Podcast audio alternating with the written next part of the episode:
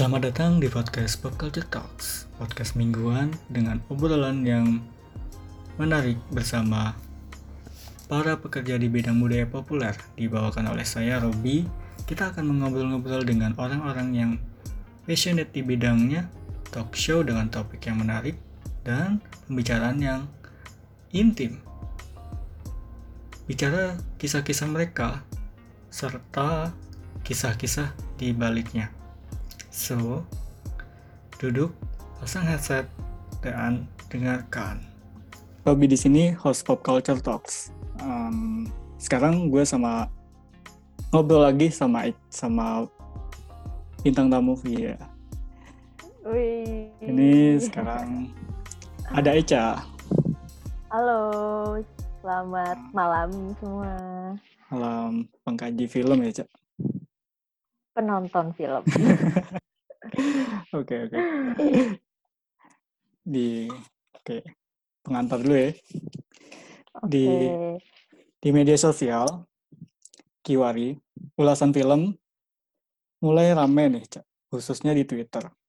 Terus sebelum Jeff gitu ya, muncul Hmm. orang-orang sama akun dari teks dari Cinefil, iya, yang mengcapture tweet-tweet dari para Cinefil. Lalu ada tweet yang yang menarik. Bunyinya Cinefil cewek nggak ada yang cakep. Gimana Cak menurut lo sebagai salah satu pengkaji film di Indonesia? Iya, Enggak lah penonton penonton film. nonton film. Eh, langsung bingung, langsung ket. Eh, pakai bahasa soalnya basi gue, Cak. eh, gimana ya? Soalnya eh ini bergue lo atau ber eh, harus eh, saya kamu? Kalem-kalem santai aja. Oke. Eh, boleh. eh, apa ya? Gue sendiri ngerasa hmm, statement itu ya Misoginis nggak sih? relevan, nggak rel, nggak relevan aja sih gitu. Eh, eh, sinefil ya sinefil, cakep atau enggak eh, adalah eh, preferensi si pribadi si orang yang ngomongnya gitu. Dan apa kaitannya antara sinefil dan juga eh, cakep atau enggak gitu? Hmm, hmm. Kan jadi kepala menurut eh, jadi menurut gue kayak apa ya jadi kayak kontradiksi gitu dalam artian kan dia bicara soal eh sinefil gitu sinefil Mhm. ya orang yang suka nonton film Yep. tapi dia kemudian melanjutkannya dengan enggak ada yang cakep gitu jadi kan gue jadi bertanya-tanya gitu yang dia tonton apakah film yang dia tonton adalah filmnya atau dia nonton penonton film gitu Eh, Antara kedua ya, itu kayaknya. ya jadi kalau gue sendiri sih mungkin itu ya tapi ya namanya juga sekarang media sosial kan isinya memang eh, orang bisa bicara apa pun bisa komentar Mhm. apa pun bisa Hmm. jadi eh, arena ekspresi seluas-luasnya gitu dan Hmm. tentu saja sepaket gitu ya begitu kita Hmm. ngomong a- ruang untuk ekspresi ya Hmm. otomatis pasti akan begitu ada aksi ya ada reaksi juga gitu dan apa yang Robi tanyain ke, barusan ke gue kan berarti juga bagian dari eh, apa ya eh, reaksi gitu Hmm. dari pernyataan si orangnya gitu Eh, gue nggak tahu apakah nanti misalnya ketika eh, podcast ini gitu udah dipublikasi gitu, apakah misalnya si orangnya eh, gue nggak tahu orangnya ya yang Robi maksud ya apa jadi eh, j- eh, apa ya jadi gue yang barusan gue omongin adalah komentar gue atas pernyataannya gitu ya jadi Hmm. eh, buat gue di dunia hari-hari ini gitu di mana orang bisa sangat mm, mudah untuk berkomentar dikomentarin saling eh, menimpalin gitu ya Hmm. tentu saja eh, mau tidak mau emang pernyataan-pernyataan seperti itu emang akan lebih apa ya mungkin memicu gitu ke trigger Hmm, hmm, hmm. orang-orang kayak maksudnya apa ya gitu ya tapi ta- ya, kayaknya memang Robi kayaknya mendingan tanya langsung sih kalau emang kenal orangnya betul betul betul. Cara paling bijak ya. Iya, mungkin tanya juga eh, ini maksudnya gimana gitu, apakah eh, dia sendiri gitu membayangkan bahwa dia sendiri adalah sosok yang cakep gitu, dia udah sinetfil cakep lagi gitu. Uh, jadi uh, merasa kok nggak ada yang kayak gue lagi gitu, udah sinetfil cakep pula gitu, kan bisa aja gitu ya. Uh, jadi uh, gue sendiri gak karena gak tahu konteksnya ya gitu. gue cuma bisa komentarin dari pernyataan itu aja sih yang menurut gue uh, ber, apa ya, kontradiksi gitu di dalam kalimatnya dan juga nggak relevan gitu. kita lagi bicara cakep atau enggak, uh, uh, terus ada konteks Bandung juga di situ, terus ada konteks uh, Cinefil juga satu sama lain menurut gue ya nggak uh, terlalu relevan gitu. Mm -hmm. Kalau dia bicara Cinefil ya mungkin yang dibahas film mungkin ya. Atau pengamatnya kali ya. Atau yang dia temuin nggak jarang ada yang good looking mungkin. Hmm, ya mungkin juga gitu ya, tapi ya balik lagi itu kok good looking tuh standarnya kan masih hmm. sangat personal ya. Sementara hmm. ketika dia bicara di medsos itu kan arena banyak orang gitu di publik. Yep. Iya. Ya pasti memang jadi emangnya uh, cakep apa sih gitu yang lu bayangin dari sinetfil gitu. Apakah orang yang tidak cakep tidak boleh jadi sinetfil? Apakah sinetfil harus cakep gitu? Apakah dia sudah pernah uh, ngecek bahwa sinetfil di luar Bandung cakep-cakep gitu. itu banyak banget gitu yang akhirnya bisa merembet ke mana-mana. Iya. Ya, tapi lu uh, yang gue lihat kan tadi gue sempat scrolling dalam langkah riset gue. Ya. Kayak lu jarang hmm. banget uh, apa ya? posting biasanya kan orang karena sekarang kan lagi zaman emang media sosial kadang berisik banget di langit-langit udara media sosial. Oh. oh film. Lu kayak oh. orang yang salah satu orang yang kalem sama sama media sama tren media sosial ini ya?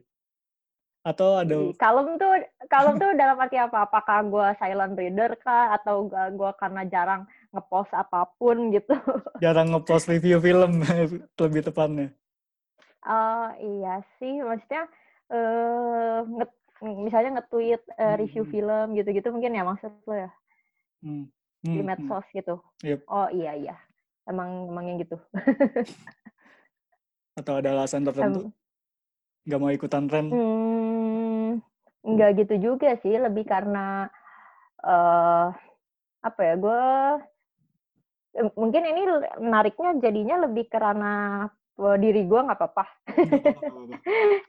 Uh, jadi gue tipe yang lumayan memisahkan antara arena publik dan juga arena uh, privat gitu. Ah. Jadi uh, gue merasa ya um, bertanggung jawab atas apa yang gue katakan misalnya gitu. Misalnya hmm. nih gue nge-tweet kalau misalnya konteksnya film gitu. Misalnya gue nge-tweet, aduh film ini ternyata nggak oke okay, gitu bagaimanapun juga walaupun itu adalah bentuk ekspresi gue gitu, hmm. yang hmm. tentu saja bebas untuk diung diungkapkan bagaimanapun itu akan punya dampak gitu ke orang yang misalnya baca terus hmm. nanti orang misalnya mikir wah kata si Eca jelek gimana ya apa gue nggak usah nonton gitu misalnya ya uh, dan kalau medsos tuh kan sebetulnya lebih kayak apa ya uh, platform yang lebih membuat orang mm, melihatnya secara uh, singkat gitu ya, ringkas. Mm -hmm. yeah, yeah. Dan menurut gue, uh, gue tidak terlalu pandai untuk bicara ringkas seperti seperti itu gitu. Hmm. Uh, gue khawatir, maksudnya gue banyak mm, apa ya mengebiri gitu hal yang uh, ya film uh, gue lebih nyaman misalnya nulis film ya dalam bentuk tulisan yang rada panjang gitu. Hmm. Jadi gue bisa bisa bicara uh, apa ya gue ngebayangin misalnya anggaplah film itu seperti orang gitu ya yeah. Iya. uh, ketika gue bilang misalnya gue bilang film ini uh, di tulisan panjang gue bisa cerita misalnya oh iya uh, fil uh, anggaplah film sebagai teman gitu oh iya teman gue ini uh, dia uh, orangnya seperti ini gitu kenapa dia seperti itu terus uh, apa sih sisi yang menarik dari dia apa sih sisi yang mungkin dia bisa perbaiki, hmm. apa sih uh, kebiasaan dia yang kurang oke okay, gitu. Yeah, Tapi yeah. kenapa ya dia seperti itu gitu ya. Hmm. Uh, sementara ketika gue ngebayangin uh, gue ada di medsos, anggaplah tweet gitu ya yang cuma sekian karakter gitu, yep. otomatis ke apa ya uh, sosok si temen gue ini gue cuma akan bisa bilang dia ya dia dalam 140 karakter gue coba bisa bilang ya dia orangnya oke okay, gitu hmm. atau dia orangnya nggak oke okay. um, misalnya gue uh, gue merasa gue mengebiri banyak hal gitu dan uh, gue agak apa ya bukan orang yang bisa rada tega untuk melakukan hal itu gitu dan gue merasa bertanggung jawab gitu ketika uh, bicara di medsos yang uh, merupakan ruang publik uh, gue merasa gue bertanggung jawab gitu terhadap hal-hal seperti itu jangan sampai gara-gara gue mengebiri kompleksitas akhirnya uh, itu berdampak gitu mempengaruhi orang penilaian orang lain gitu apalagi hmm. dalam konteks film gue tipe yang percaya kalau uh, gak ada cara terbaik untuk tahu film itu oke okay atau enggak selain uh, lewat lu nonton sendiri gitu. Iya, iya. Betul, uh, betul. Ya buat gue kayaknya kalau misalnya gue gue apa ya nge-tweet gitu kayaknya gue bukan orang yang bisa uh, bicara dengan uh, ringkas gitu ya. Mm -hmm. Terus juga bukan orang uh, yang bisa bikin thread gitu.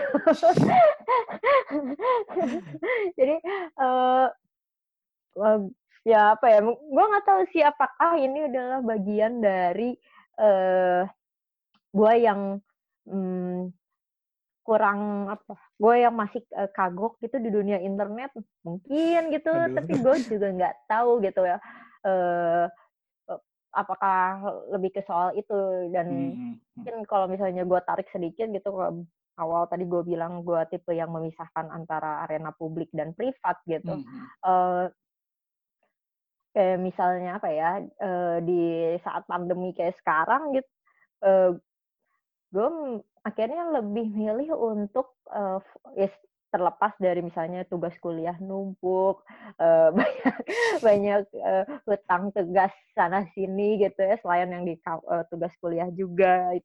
Uh, gue uh, membayangkan gimana uh, gue bisa tetap mempertahankan gitu arena privat gue gitu. Bagi sekarang kan maksudnya kita sebagai sesama mahasiswa gitu Rob ngerasain yeah, yeah. kuliah ini kan ya betul, betul. kuliah kuliah uh, online gitu ya. Nah, Dan ya segala uh, gak, gak, gak cuma kuliah online juga kita segala hal sekarang webinar, hmm. uh, video apa segala hal jadi video conference gitu ya. Hmm. Dan uh, itu kan rasanya seperti publik uh, apa yang publik itu semakin merangsek ke ruang privat kita gitu. Iya.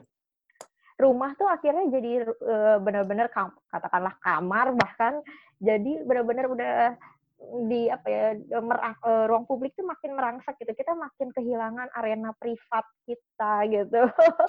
Dan gue sendiri merasa ah gue pengen memelihara ruang privat itu sebagai ruang yang uh, terkait dengan diri gue sendiri gitu. Hmm.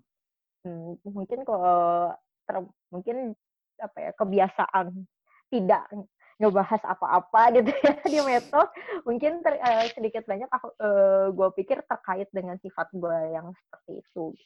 Ada pemisahan diri lah ya hmm gitu. Kalau misalnya mau gue mau nulis review mending gue nulis yang panjang gitu supaya bisa hmm. komprehensif bisa Betul, detail gitu. Uh, gue khawatir gitu. Nanti apa uh, suka tidak suka itu kan sering kali sangat subjektif ya. Iya, iya. uh, dan begitu itu dipublikan kan otomatis mempengaruhi orang gitu jadi gue pikir eh, ya yang uh, preferensi pribadi ya adanya di ruang pribadi gue dulu aja gitu hmm. hmm. waktu di podcast lo yang ngobrol sama Bagja lo bilang mulai tertarik sama film dari SMP terus itu nonton hmm. filmnya yang bukan harus utama lagi sama atau populer itu reaksi otak lo nggak kaget ya Hmm. Film film maksud gue kan uh, mungkin gue waktu SMP nganggap film masih dalam tahap hiburan gitu ya. Dan lu hmm. tahap SMP udah nyari film yang benar-benar realis dan ya bukan film harus utama yang sebenarnya bukan bukan film hiburan gitu. Dan hmm. lu reaksi otak lu itu nggak pusing nonton film yang bukan harus utama. Atau reaksi otak lu kayak gimana gitu pada waktu itu? Gak tahu kayak biasa uh, ya tapi mungkin juga karena gue bilang juga ya di podcastnya Bakja eh, halo Bakja kalau lagi denger kalau nanti dengerin juga ya uh, gue apa ya mungkin karena zaman itu gue nggak nonton film misalnya nonton film bioskop gitu Mhm. jadi ya satu-satunya akses gue adalah nonton di DVD gitu dan Oh. dan gue kalau teman-teman di Bandung mungkin tahu ya zaman itu sangat legendaris gitu pergi ke kota kembang gitu pasar Mhm. DVD bajakan gitu dan di sana gue dapet banyak film-film yang eh, gue nggak tahu apakah itu arus utama atau enggak ya gue tonton aja gitu Itu di keluarga lo emang ada budaya nonton film, Cak? nggak ada justru Oh, nggak ada? Berarti ada kayak random aja gitu berarti mau nonton film atau gimana gitu di, di pada saat itu? gimana ya? Eh bingung sih gue bisa jawabnya.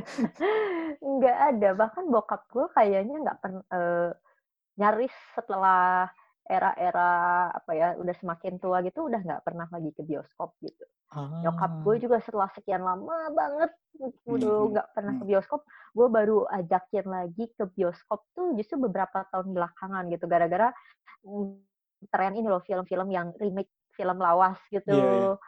Nah, gue jadi mulai ngajakin nyokap gitu. Tapi eh, Ah. nyokap eh, termasuk yang ah, jangan jarang ke bioskop gitu dan seringnya kalaupun ke bioskop tertidur gitu. Jadi emang eh, apa ya rada anomali juga mungkin ya. Hmm. Tapi eh, kalau gue pikir-pikir lagi itu mungkin juga mungkin ya kalau gara-gara lu nanya gue dari mana ya waktu itu kayaknya gue pikir gara-gara gue baca sih gitu. Wah, Jadi eh, misalnya waktu kecil gitu gue inget waktu SD hmm. eh, gue baca majalah Bobo terus ada bahasan film Children of Heaven gitu. Oh. Terus Film gue kan ya? nonton film iya film Iran terus gue nonton Children of Heaven gara-gara tahu itu. Terus misalnya eh, gue tahu filmnya Kim Kiduk tuh awalnya justru dari majalah gara-gara dulu gue zaman SMP SMA tuh langganan majalah Asia gitu kan zaman itu lagi naik daun banget Iya, iya. kan Korea. Jepang, Taiwan, ah, Cina. ha. ah. Di situ ada review-review film baru gitu yang keluar gue dapet referensinya dari situ gitu. Jadi Oh. eh, pas baca sinopsisnya wah kok ram, eh, menarik gitu ya. Dia gue pikir kayaknya awalnya dari baca sih. Hmm. Berarti eh pas nonton lu nggak nggak kaget-kaget banget lah ya? Maksudnya Kayaknya enggak sih Enggak gitu ya? walaupun ya eh gue nonton eh ini gue tiba-tiba teringat ini sih salah satu film yang dulu gue tonton eh apa filmnya Park Chan Wook yang I'm a, eh, I'm a psycho but I'm a cyborg but it's okay. oh oke. Ya itu tahun berapa ya gue nonton SMA gitu ya kalau nggak salah. Itu film 2000 li- 2000 berapa ya? 2005 2006 gitu kalau nggak salah. Eh ya, kayaknya gue nonton itu SMA deh dan memang rada apa ya rada-rada hmm, gue nggak benar-benar paham gitu ya arti Mhm. eh, film ini maksudnya apa gitu tapi eh gue menikmati ketidaktahuan itu gitu Agak masukis Jadi- pemikiran gak sih? Enggak juga sih gue pikir ini enggak eh, kadang kan kita membayangkan eh, karena kecenderungan kita sehari-hari gitu ya Iya, udah iya. sering mengartikan sesuatu eh ini maksudnya apa sih ini maknanya apa sih kita kan Hmm. eh, punya kecenderungan orang seperti itu Hmm. tapi gue pikir eh, seni itu kan pertama-tama bukan cuma soal eh, apa artinya gitu ya itu Hmm, penting gitu ya tapi Hmm. itu buat gue urutan kedua gitu tapi yang Hmm. pertama itu adalah eh, apa efek dari seni ini terhadap diri kita gitu ya Iya. dan eh, what it does gitu ya ketimbang what it mean gitu. what it does ini buat gue penting gitu Eh, apa ya bisa entah itu kita bingung entah itu takut kaget gitu. Eh, perasaan itu yang buat gue uh, penting gitu Oke. Hmm. Terus dalam wawancara sama Tribun nih, waktu zaman dulu ya, tahun 2012 kalau nggak salah. Lo 2012, bilang, Trib- eh, Tribun gitu Tribun. Kalau oh iya oke oke Lo Oh, bilang iya, iya, film- oke, oke. oke. filmmaker tuh jangan berarti bungkus dan centil di Ah. teknologi. Heeh. Em, sampai sekarang masih ada yang centil teknologi nggak sih, Cek? Fil- Filmmaker, film-film pendek yang lu lihat, kan lu juga sekarang sebagai dosen ya, dosen di UPI, Hmm. jurusan film. Hmm. Sampai Hmm. sekarang jadi masih kayak gitu nggak sih, Cek? Ah, Dan lu juga kan pernah ya? ngejuri ja, eh, ngejuri, Eh. kuratorin JAV kemarin. Eh, kalau misalnya gue pikir kalau waktu di JAV sih kan Eh, film eh, panjang lupa gue. gue liat film panjang, jadi emang Iya sih, emang udah pendek. udah lebih ini ya mungkin Eh, kalau film pendek mungkin bisa eh Yus lebih tahu gitu. hmm, gue eh, jadi eh. jadi gue sulit jawab juga itu. Tapi eh, menurut gue akan selalu ada sih kalau menurut gue. Karena hmm, gimana ya? Bagaimanapun teknologi itu kan sesuatu yang semakin hari semakin canggih gitu dan itu mempesona kita lah gitu. Hmm, hmm. Eh, gimana pun juga kita pengen coba sesuatu yang baru Hmm. dan buat gue sendiri nggak masalah gitu kita mau eh, mengeksplorasi teknologi gitu mengeksplorasi bentuk gitu Hmm, hmm. Eh, nggak masalah sama sekali gitu tapi juga penting gitu untuk punya Hmm. gagasan eh, supaya eh, apa sih yang sebetulnya ingin eh, lu sampaikan lewat karya ini atau pertanyaannya mungkin bisa lebih mendasar apa Hmm. sih eh, mengapa sih lu harus berkarya gitu di saat semua orang bisa bikin film sekarang gitu Hmm. buat gue gagasan itu yang eh, penting gitu Iya, biar nggak kosong ya. Yang isi eh, bungkusnya jangan hanya bungkus. Iya, buat gue itu yang membuat apa ya? eh, mungkin gue tarik sedikit ke area yang lebih luas gitu.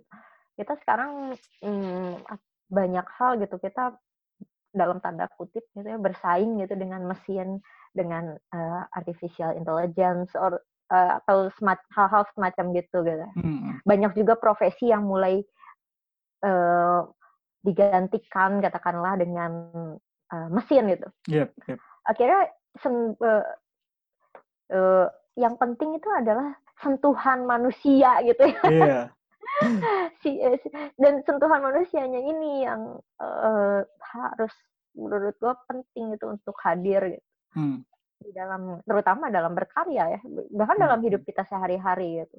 Eh, gimana kita bisa memberikan sentuhan manusia yang khas Robi khas Eca gitu ya.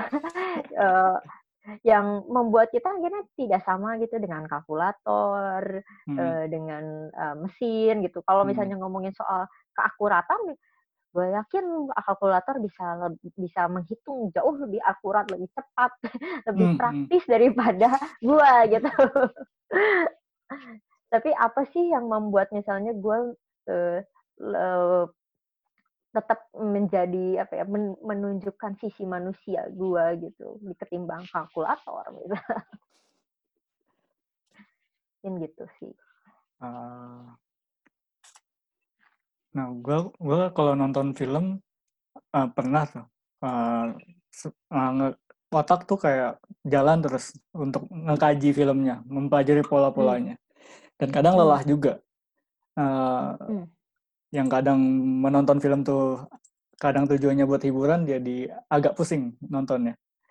Lu kan ka- sekarang kan ibaratnya sebagai pengkaji. Nah, nah itu ketika nonton film ngebaca pola-pola gitu pusing juga nggak sih, Cak? Hmm, nggak tahu sih kalau gue kayaknya lebih yang nonton pertama kali itu mm, nikmatin aja gitu.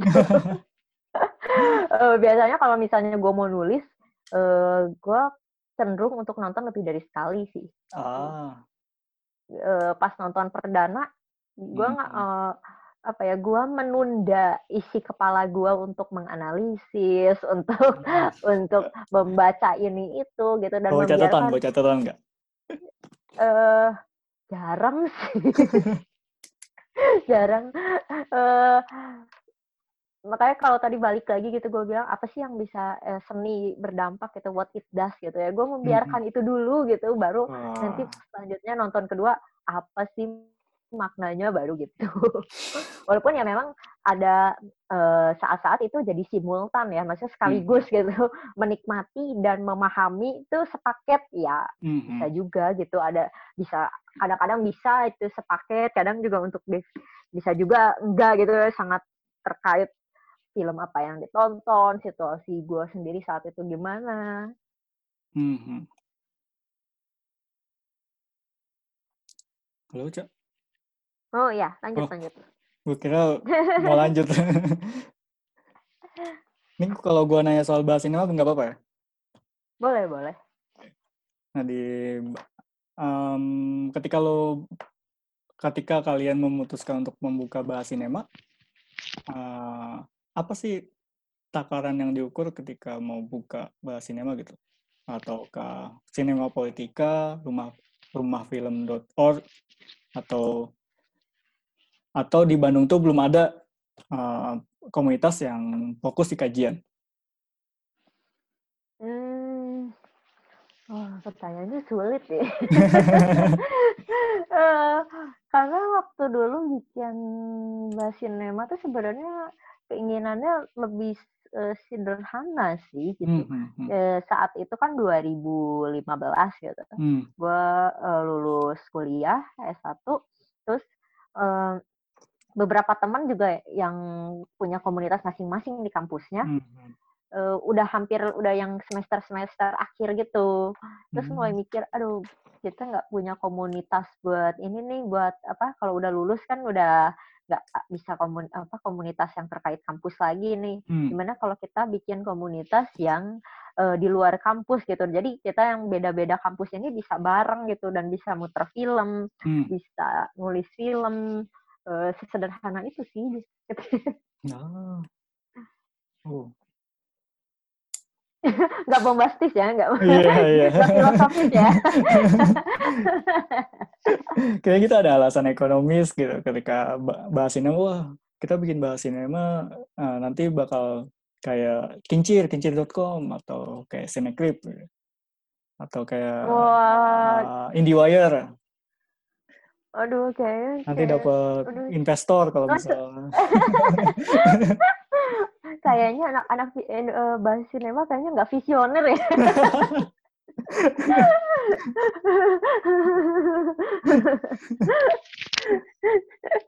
Kayaknya nggak sevisioner itu. Bikinnya santai banget gitu. Ala warung kopi berarti. kenapa Ya bikinnya santai banget ketika kayak di warung kopi, woi kita bikin ini yuk, ini yuk sambil ngopi. Eh, soal nanti belakangan kita bikin aja dulu. ya emang kayaknya ya kayak motivator motivator ya mulai aja dulu gitu. udahnya pusing Aduh. Lu di kajian ada ini enggak sih? Ada penulis yang lu kagumin? Hmm, banyak sih maksudnya kayak Hmm, eh, apa pengkaji dan juga kritikus film yang senior di Indonesia kayaknya gue pada kagum dan ngefans gitu. gue mental fans soalnya. Banyak sih, gue pikir eh, bingung juga kalau harus sebut eh, satu atau dua nama gitu karena Hmm, uh, hmm. gue ngeliat itu sebagai sebuah apa ya katakanlah gerakan atau gelombang gitu yang Hmm. hmm, wah keren, apa ya bagaimana mereka uh, dulu ngalamin misalnya tahun misalnya nih di tahun 2000-an uh, di era ketika orang jar- masih minim kan misalnya nulis blog, Hmm, hmm, review film gitu hmm. era-era di mana orang eh, cari review film tuh ya di media di di media cetak misalnya Hmm. gitu ya di koran segala macam Hmm, atau misal eh, baca buku karangan siapa gitu yang ngebahas soal eh, dunia sinema gitu Hmm. Hmm, jadi apa ya, buat gue itu kayak hmm, generasi generasi para senior ini uh, mereka kayak idola gue gitu ya gue kagum ya Terus pada waktu tulisan lo terbit di media kayak misal di Bahas Sinema, di Cinema Politika, di hmm. jurnal Ruang, itu hmm. uh, penulis yang lo lo kagumin itu pernah ada komen gak sih atau atau lo dapat feedback dari yang lain, misal bukan dari yang lo kagumin atau ya seenggaknya itu feedback yang mungkin lo ngebangun atau mungkin ada yang menjatuhkan mungkin feedbacknya ada gak sih Cok? saya tulisan lo itu oh. menurut gue ya uh, ya bagus-bagus aja gitu uh, karena gue salah satu pengagum tulisan lo btw Wah, wow, wah gawat ya tersanjung ya. fan fan fanboy. Gimana ya, gue kayak uh, gue dulu gitu. Kayak ada yang nge-email atau nge nge DM tiba-tiba oh tulisan lu bagus gitu hmm. gitu, gitu Enggak secanggih itu juga sih. Cuma mungkin kalau misalnya pertanyaannya arahnya itu sih mungkin ini, ini dulu uh, gue pas lagi apa ya mm, dua tahun 2010-an awal gitu kan hmm. baca sinema poetika gitu gue kayak hmm. wah keren ya gitu terus uh, 2014 awal ke apa festival film Solo gitu dapat loka karya di sana -hmm. gitu. Terus uh, ternyata uh, Mas Makbul uh, pas udah balik ke Bandung ya, terus -hmm. nge-email gitu bilang kalau tulisan uh, tulisan yang salah satu tulisan gue yang ada uh, uh, waktu gue bikin di Lokakarya itu di Solo hmm. uh, mau apa uh, mau apa minta gue untuk lanjutin tulisannya gitu. Yang Terus buat, itu. Uh, yang ini apa yang uh, pembang, uh, tentang berapa film pendek gitu yang dari dari dari Oh, nama uh, film pendek. Pembangun Iya, yang pembangunan Indonesia ah, ah, lewat ah. film pendek nah, itu ya. Uh, itu mm, gue pikir kayak wah gitu akhirnya gitu. ini orang yang gue yang seorang yang selama ini gue baca tulisannya terus terkagum-kagum gitu akhirnya nge-mention lu ya. iya yang apa oh tulisannya bisa uh, di, ini buat nanti dimuat di uh, eh, CP gitu kayak wah gitu terus tahun depannya juga pas uh, uh, Mas Makbul ngajakin um, uh, apa ya bantuin beliau di uh, rubrik wacananya CP juga kayak wah eh, dan sama juga kita ketika misalnya 2018 kan ada uh, loka karya yang ini apa hmm. period gitu ya, yang diadain sama uh, salah satunya maka uh, Intan Karamadita gitu. Hmm, hmm, Sihir perempuan. Iya, gue pas lagi baca, pas tahu ada loka karya itu kayak wah gitu. Mana yang ngajar. Kan itu loka karya itu ada dua kelas ya yang satu kritik hmm. sastra dan satu lagi kritik film gitu. Yang kritik hmm. film bareng uh, kak Lisa itu Lisa Bona Rahman gitu. Kayak hmm. wah gitu. Oh gue gue mau daftar deh siapa tahu lolos gitu ya. Ini yang di Makassar ya? Uh, nggak di Jakarta Wah. Uh, kalau nggak salah waktu itu uh, kalau lihat dari apa medsosnya period uh, yang daftar tuh 150-an orang itu kalau nggak salah ya. Terus dipilih 10 10 itu 10 kelas kritik sastra, hmm. 10 kelas kritik film gitu. Gue kayak oh bisa masuk 10 itu aja kayak udah gembira banget bisa ketemu idola gue. gitu deh pokoknya terus eh, ketika uh, ketika apa ya tahun lalu gitu akhirnya setelah hmm, berapa hmm. bulan dari apa gue ketemu mereka tuh gugup gitu gue ngerasa ada tulisan gue layak untuk dibaca gak gitu. terus ya ternyata pas berapa bulan kemudian setelah beres dari lokakarya itu uh, dapat uh, email gitu ya kalau uh, dari ke Bu siapa apa Kak Intan Paramadita, Mhm. terus eh, Kak Lisa Hmm. sama Ibu Yulianti. Hmm. eh, Bu Lili Yulianti milih tulisan gue buat dimuat gitu. Di tulisan yang hasil di Lokakarya itu gitu, buat Hmm. dimuat gitu kayak wah tulisan gue yang kepilih gitu. Dan yang nggak nerima email dari idola gitu. Gemeter nggak, Cok? kayak gue kayak mau menjerit tapi di rumah gitu.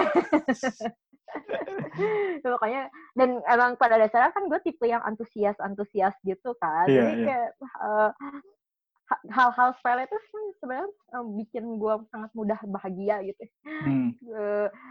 Dapat hal-hal yang seperti itu tuh kayak buat gue udah sangat eh, apa ya mengejutkan gitu seperti hmm. yang bes- besar gitu buat gue ya gue bersyukur sih gitu Hmm, pencapaian terbesar lu udah didapetin belum sih, Cok? Di dalam oh aduh perta- pengajian film. visioner banget di dalam pengajian film. Saya kan pandangan orang tua kalau di sorry di pengajian film kan kadang eh, pandangan orang tua mau apa sih nulis pengajian film eh, kritik film mau ngapain gitu-gitu kan. Nah, ketika itu kan pasti lu harus punya pencapaian terbesar kan di pen- pengajian film. Maybe hmm, apa gitu nulis buku atau yang lain atau atau apa gitu cak? Wah pertanyaannya sangat visioner dan gue nggak vision Eh, atau membesarkan bahas sinema dengan prinsip cici-cici cici-cici lu.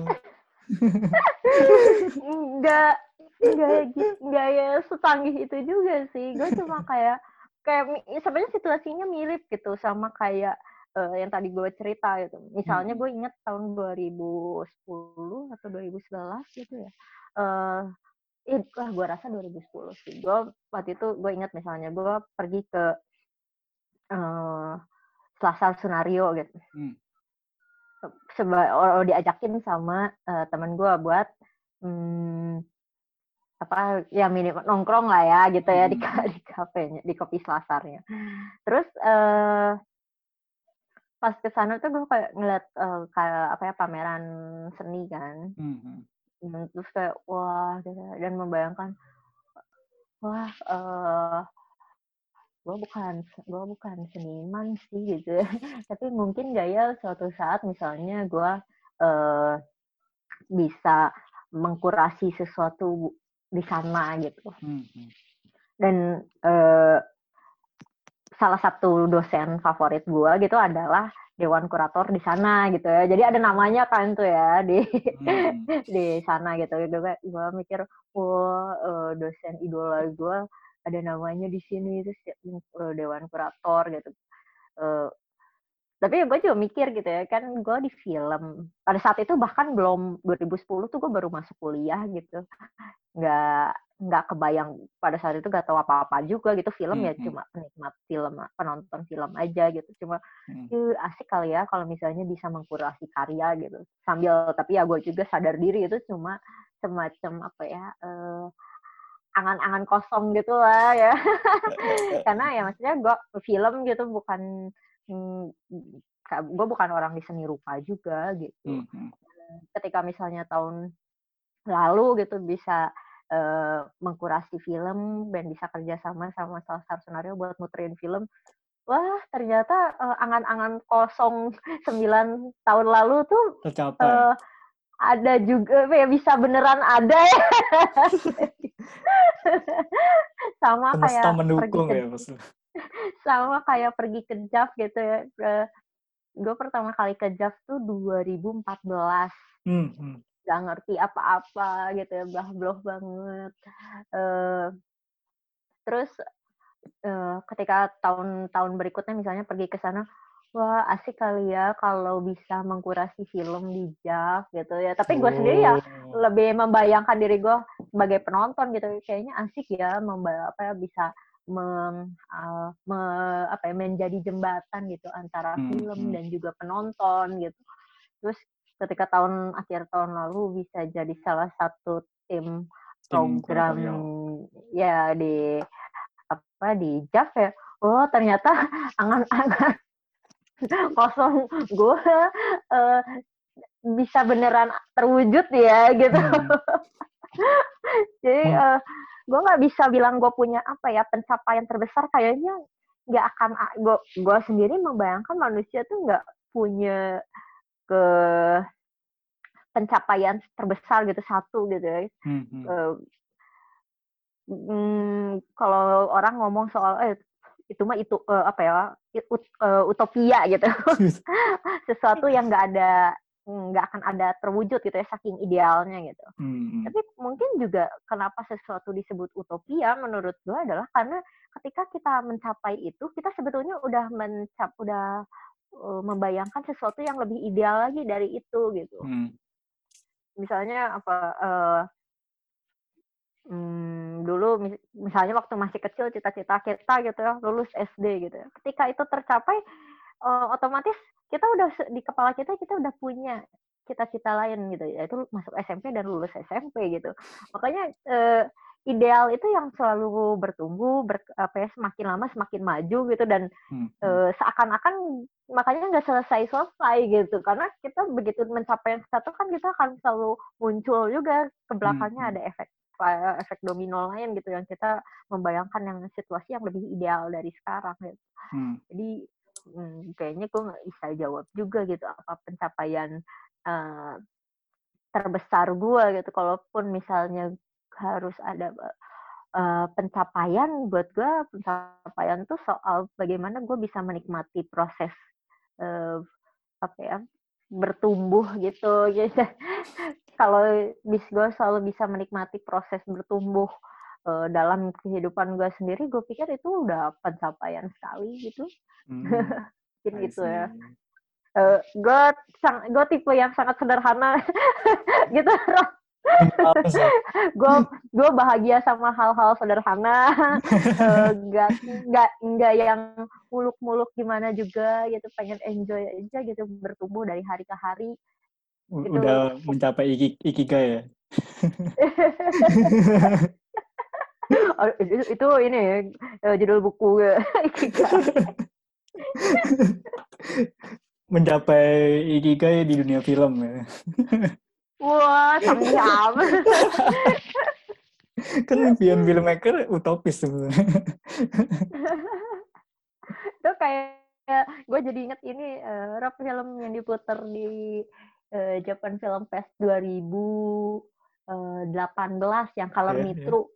Oh oke ya, gue inget tuh film itu. Asik banget sih. Iya, itu iya, itu film asik banget kan dan ah. buat gue ya cinta tuh ya mungkin seperti itu gitu. Hmm, Eh, kita nggak pusing sama apakah kita akan mencapai sesuatu, hmm, apakah kita tidak mendapat eh, apa ya mm, misalnya orang selalu bilang gitu hasil tidak akan mengkhianati usaha gitu. Gue Hmm, pikir banyak juga orang yang berusaha lebih keras dari orang lain tapi hasilnya tidak se- tidak Sewah sebesar misalnya ya tidak sewah orang lain gitu. Tapi buat gue cinta tuh eh, dalam hal apa pun gitu ya hmm, hmm. cinta tuh ketika kita udah fokus pada apa yang ingin kita lakukan saja gitu. Hmm, Dan misalnya waktu bisa diulang kembali, kita akan tetap milih eh, pilihan yang sama gitu, apa pun Iya, iya. hasilnya nanti gitu. Eh, dan buat gue itu membahagiakan dan itu memberikan energi yang besar sih, ah, memberikan sese- eh, sesederhana ini deh. eh, orang sering ngomongin soal tu- apa sih tujuan hidup lo atau misalnya goal apa sih atau eh, apa resolusi apa sih yang mau lu capai tahun ini misalnya kan kalau awal awal tahun tuh orang ngomongin resolusi gitu-gitu ya. Eh, buat gue kadang-kadang eh, yang membuat sesuatu apa ya goal dan tujuan itu menjadi penting bukan apakah ketika itu tercapai sesuai ekspektasi kita gitu hmm, hmm. tapi ketika tapi itu memberikan kita orientasi gitu membuat kita memberikan kita arah memberikan apa ya makna gitu apa yang Hmm. apa yang membuat sesuatu yang kita lakukan akan uh, bermakna, berharga ya karena Hmm, kita hmm. punya uh, orientasi itu gitu dan Hmm, buat gue kayaknya manusia sulit juga gitu untuk hmm, uh, hidup ketika disorientasi gitu kita nggak tahu mau ngapain apa hmm. yang benar-benar ingin kita lakukan apa yang membuat kita bahagia buat gue uh, tanpa orientasi itu kayaknya sulit juga gitu Iya, iya. Ini terakhir, Cak. Lu pernah, Hmm. cinta lu terhadap sinema pernah memudar gak sih? Wah, itu kayaknya eh sama kayak apa ya? Gue tipe orang yang mm, katakan anggaplah misalnya eh, sinema itu seperti manusia gitu ya. Hmm, hmm. Gue bukan tipe orang yang mm, memasak air gitu dengan api besar di awal, Hmm. lalu airnya jadi cepat menguap dan habis gitu. Hmm. buat gue adalah yang penting menjaga bagaimana api kompor kita tuh menyala Menyala- konstan tetap menyala terus ya. gitu. Dan gue sendiri gue rasa itu sama seperti eh, di filsafat juga gitu, di budaya juga. Hmm, gue merasa semakin hari gue justru semakin cinta gitu. Oh. Walaupun di masa pandemi jadi- gini lu jarang nonton. Iya, iya, iya. Eh, karena maksudnya ketika gue memang tidak misalnya tidak terlalu banyak nonton gitu ya di Hmm, masa hmm. pandemi ini. Tapi di sisi lain gue belajar juga gitu. Gue eh, ngik- eh, apa ya? Gue belajar nonton webinar soal misalnya eh, kritik footage. Film. Eh, ya gue sempat eh, no- ngikut itu nonton juga tuh yang apa? eh diskusi online yang eh, diadain sama teman-teman eh, Forland waktu itu di YouTube ya, kayaknya Iya, di iya. YouTube YouTube footage. ya. Ya, jurnal footage terus nontonin juga eh, apa diskusi online para kritikus film senior gitu. hmm, hmm, hmm. Dan juga yang paling penting adalah eh, memikirkan ulang sih di apa ya eh apa sih sebetulnya yang ingin gue lakukan gitu. Hmm, hmm.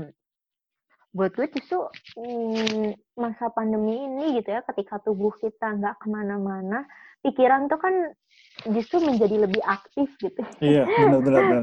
ya bener, bener kan Ah, ya. ah. Eh, Lebih cepat lelah malah. iya. Dan buat gue ini justru adalah masa di mana eh, kita me- apa ya, memikirkan ulang berbagai hal gitu, termasuk hmm, kecintaan pada sesuatu gitu. Hmm, hmm. Apa sih yang ingin eh, apa sih yang ingin kita lakukan? Apa yang ingin kita perbaiki? Eh, mungkin kalau buat di, kalau konteks diri gue sendiri adalah hmm, kan gue kan belak apalagi belakangan ini gitu gue lari dari satu deadline ke deadline lain gitu Wah. yang siang malam udah ketuker gitu Eh, seakan-akan hmm, istirahat tuh ya berarti cuma walaupun di rumah ya Hmm, hmm. istirahat tuh justru ketika cuma waktu tidur aja gitu bangun betul, tidur udah betul. langsung mm, belum mandi apa udah langsung depan laptop lagi gitu Ah, eh itu kan maksudnya eh, kadang di dalam kondisi stripping gitu ya kayak sinetron sleeping tugas. eh eh, ya itu kan ya kadang yang kita bayangin adalah gue pengen cepet beres aja deh gitu ya Hmm, pentingnya betul, betul, betul. terpenuhi gitu ya Kualitas Eh, kesampingin gitu. Iya, yang penting selesai dulu deh gitu. Gua, karena gue harus ngejar yang lain lagi, tugas yang lain lagi gitu. Nah, justru apa ya di saat-saat seperti ini buat gue penting gitu untuk memikirkan ulang gitu. Oh, apa ya yang ingin gue lakukan? Gimana ya mencari ritme hidup di masa pandemi ini?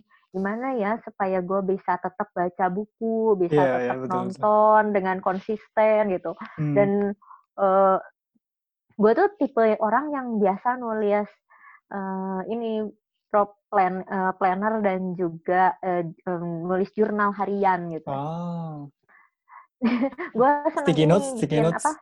Enggak. Ya gue suka sticky. Gue di rumah kayak ini apa? eh, journaling tuh gue seneng nu- eh, apa? ngumpulin perangko, stiker-stiker, yang gitu. Jadi hobi baru di rumah atau Udah lama justru. Gue udah Ah. mulai, gue udah rajin nulis planner dari 2013, nulis jurnal dari 2016 gitu. Mhm. Eh, walaupun ada memang di saat-saat ngejar deadline banget ya nggak sempet nulis jurnal gitu. Mhm. Ya, cuman eh, yang masih terus gue pikirkan bahkan sampai tadi sebelum eh, kita ngobrol gitu, Mhm. gue baru nulis jurnal gitu di jurnal gue, gue nulis gitu. Eh, gue masih mau mencari ritme, mm, men, apa ya, mencari ritme buat eh, hidup gue selama pandemi ini dan eh, pada dasarnya bagaimana gue pengen mencari ritme yang tepat gitu untuk hidup gue sendiri gitu eh, ke depannya karena gue pengen tetap bisa menikmati, men- memaknai, menulis Mhm. Mhm. eh, yang jangan sampai gue kehilangan apa ya, kehilangan eh, pras apa ya, eh, meng- nggak bisa lagi yang gue nggak mau gitu ya ke menghaya apa kehilangan penghayatan gue ketika gue menulis gitu misalnya Mhm. Mhm. atau ketika gue mengerjakan sesuatu gitu ketika gue enggan misalnya nonton karena gue hanya uh, harus uh, mengkurasi film saja gitu hmm, gue pengennya masih uh, gue tetap bisa apa ya katarsis lewat film-film yang gue tonton Mhm. Uh, bagaimana misalnya lewat buku-buku yang gue baca gue bisa menjadi orang yang lebih baik gitu Iya. bagaimana itu mengubah hidup keseharian gue itu uh, gue masih mencari ritme-ritme semacam itu gitu ya Hmm. dan buat gue cinta tuh ya sepaket gitu dengan em, usahanya gitu usaha untuk maintenance gitu ya. Kalau bahasa eh, teknologinya bagaimana kita mau maintenance main tenis gitu. Main kalau tenis. bahasa kaskusar Bahasa kalau bahasa kaskusar eh, eh, main tenis perasaan itu gitu. Hmm, gimana kita bisa enjoy dalam kondisi yang kalau sekarang kalau ngeliat pandemi kan yang eh, situasi yang kita belum pernah gener, ya setidaknya generasi kita kita nggak pernah ngalamin hal-hal semacam ini gitu. Iya. Ya, kita nggak nggak tahu ini ini sesuatu situasi yang benar-benar baru buat semua orang Betul, betul, betul. Hmm, gimana eh, kita bisa apa eh, ini jadi kalau bahasa judul-judul buku apa tul, artikel tuh ini adalah jurang dan peluang gitu. Eh, bagaimana mengubah ini menjadi peluang gitu buat membuat perasaan cinta terhadap sesuatu eh, menjadi semakin besar, semakin dalam gitu Mhm. eh, di saat bersamaan juga membuat kita semakin dewasa juga gitu lewat cinta itu kan kita belajar sesuatu juga jadi semakin mengenali diri kita sendiri gitu Hmm. Eh, kayak misal gue cerita sedikit deh eh, masih boleh kan cerita Masih, masih, masih. durasi aman ya durasi Aman, aman. Sampai dua jam Oke. juga nggak apa-apa, Cak. Eh,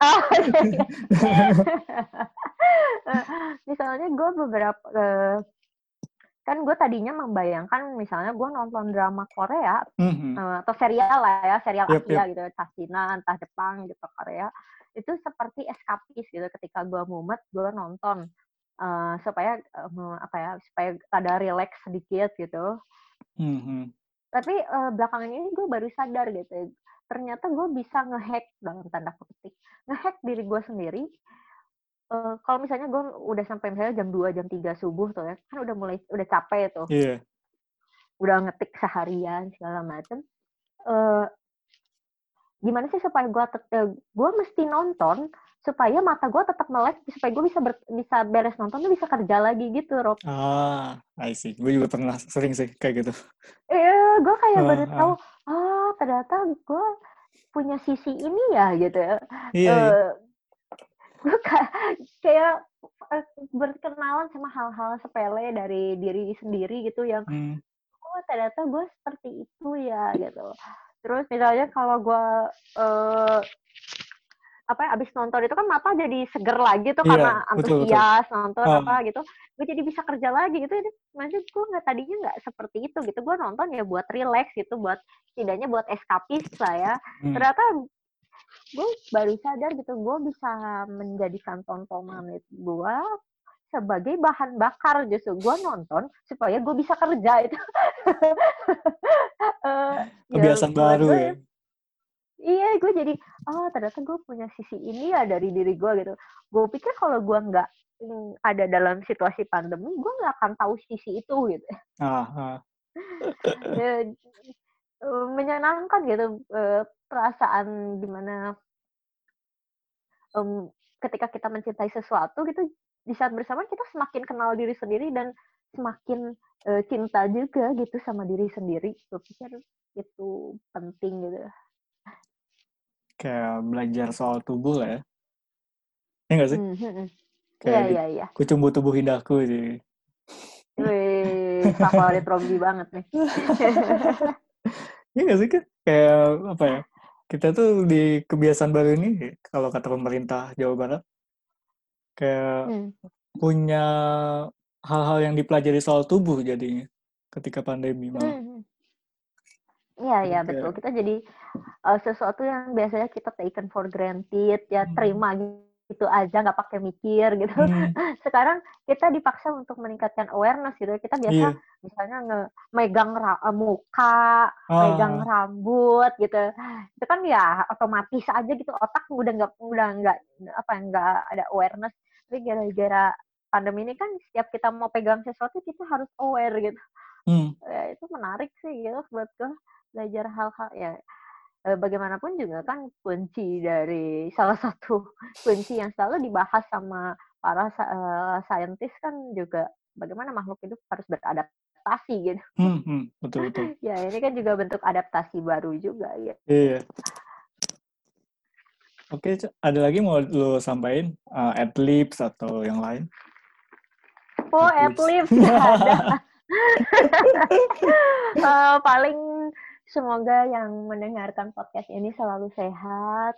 Eh, kita ada di masa yang tidak ideal gitu, tapi Yap. mm, semoga kita semakin kita sekarang udah nggak punya tadinya misalnya kita em, ketik segala kemumetan yang ada di kepala kita eh, tambal gitu dengan Hmm. oh enggak gue sibuk gitu atau atau karena kita saking sibuk udah nggak memikirkan eh, diri kita sendiri gitu. Tapi di masa pandemi ini juga mungkin adalah juga kesempatan gitu untuk eh, karena kita udah nggak bisa kabur lagi Hmm. kita berhadapan dengan diri kita sendiri gitu buat berkenalan ulang buat semakin memahami diri sendiri buat semakin menghargai eh, banyak hal gitu yang tadinya kita ketemu eh, orang gitu yang taken for granted aja sekarang kita bisa menghargai wah bertemu orang itu adalah sebuah kemewahan Hmm, bisa hmm. hidup sehat eh, itu adalah sebuah kemewahan juga gitu. Terus dulu kita misalnya ngebayangin bahwa rizki atau rezeki itu adalah misalnya kaitannya sama materi gitu. Tapi misalnya gara-gara pandemi kita merasa wah eh, eh, rezeki itu dalam bentuk kesehatan adalah sebuah sesuatu yang sangat layak buat kita syukuri. Bisa ngelihat eh, tanam apa ya? Ta, gue ngelihat banyak orang sekarang eh, bercocok tanam gitu, ya, nanam bunga di pot-pot di rumahnya, di kosannya gitu. Gue banget dong. itu kan eh, apa? Gue ngeliat itu sebagai wah tadinya kita ngelihat alam tuh sebagai sesuatu yang udah jauh ada di sana gitu. Dan sekarang kita bisa melihat ini dengan cara yang baru. Wah bisa ngelihat yang hijau-hijau tuh adalah sesuatu yang layak kita syukuri. Gitu. Ya walaupun tentu saja gue eh, di luar situasi ini gue yakin juga misalnya banyak banyak orang-orang yang dalam situasi yang sangat tidak ideal misalnya karena dirumahkan pekerjaannya mungkin juga di PHK eh, atau mungkin ada keluarganya yang sakit atau segala macam atau ya, banyak hal lah ya eh, Hmm, segala kekacauan yang eh, di saat mungkin di saat-saat seperti itu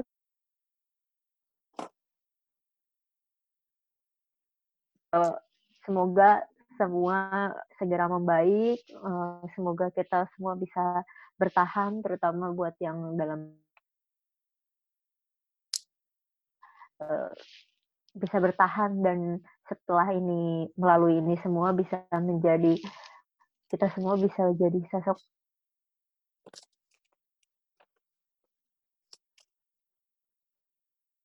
bisa semakin lebih bah apa ya kita semakin mensyukuri kebahagiaan dalam hal-hal sederhana mungkin itu. Uh, Mantap.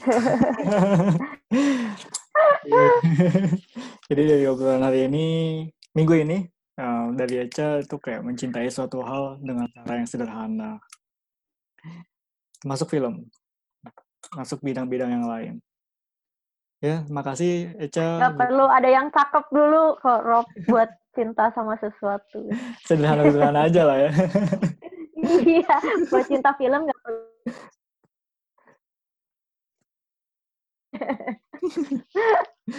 Oke Ya. oke, tutup dulu, tutup dulu. Makasih. Oke, makasih Rob.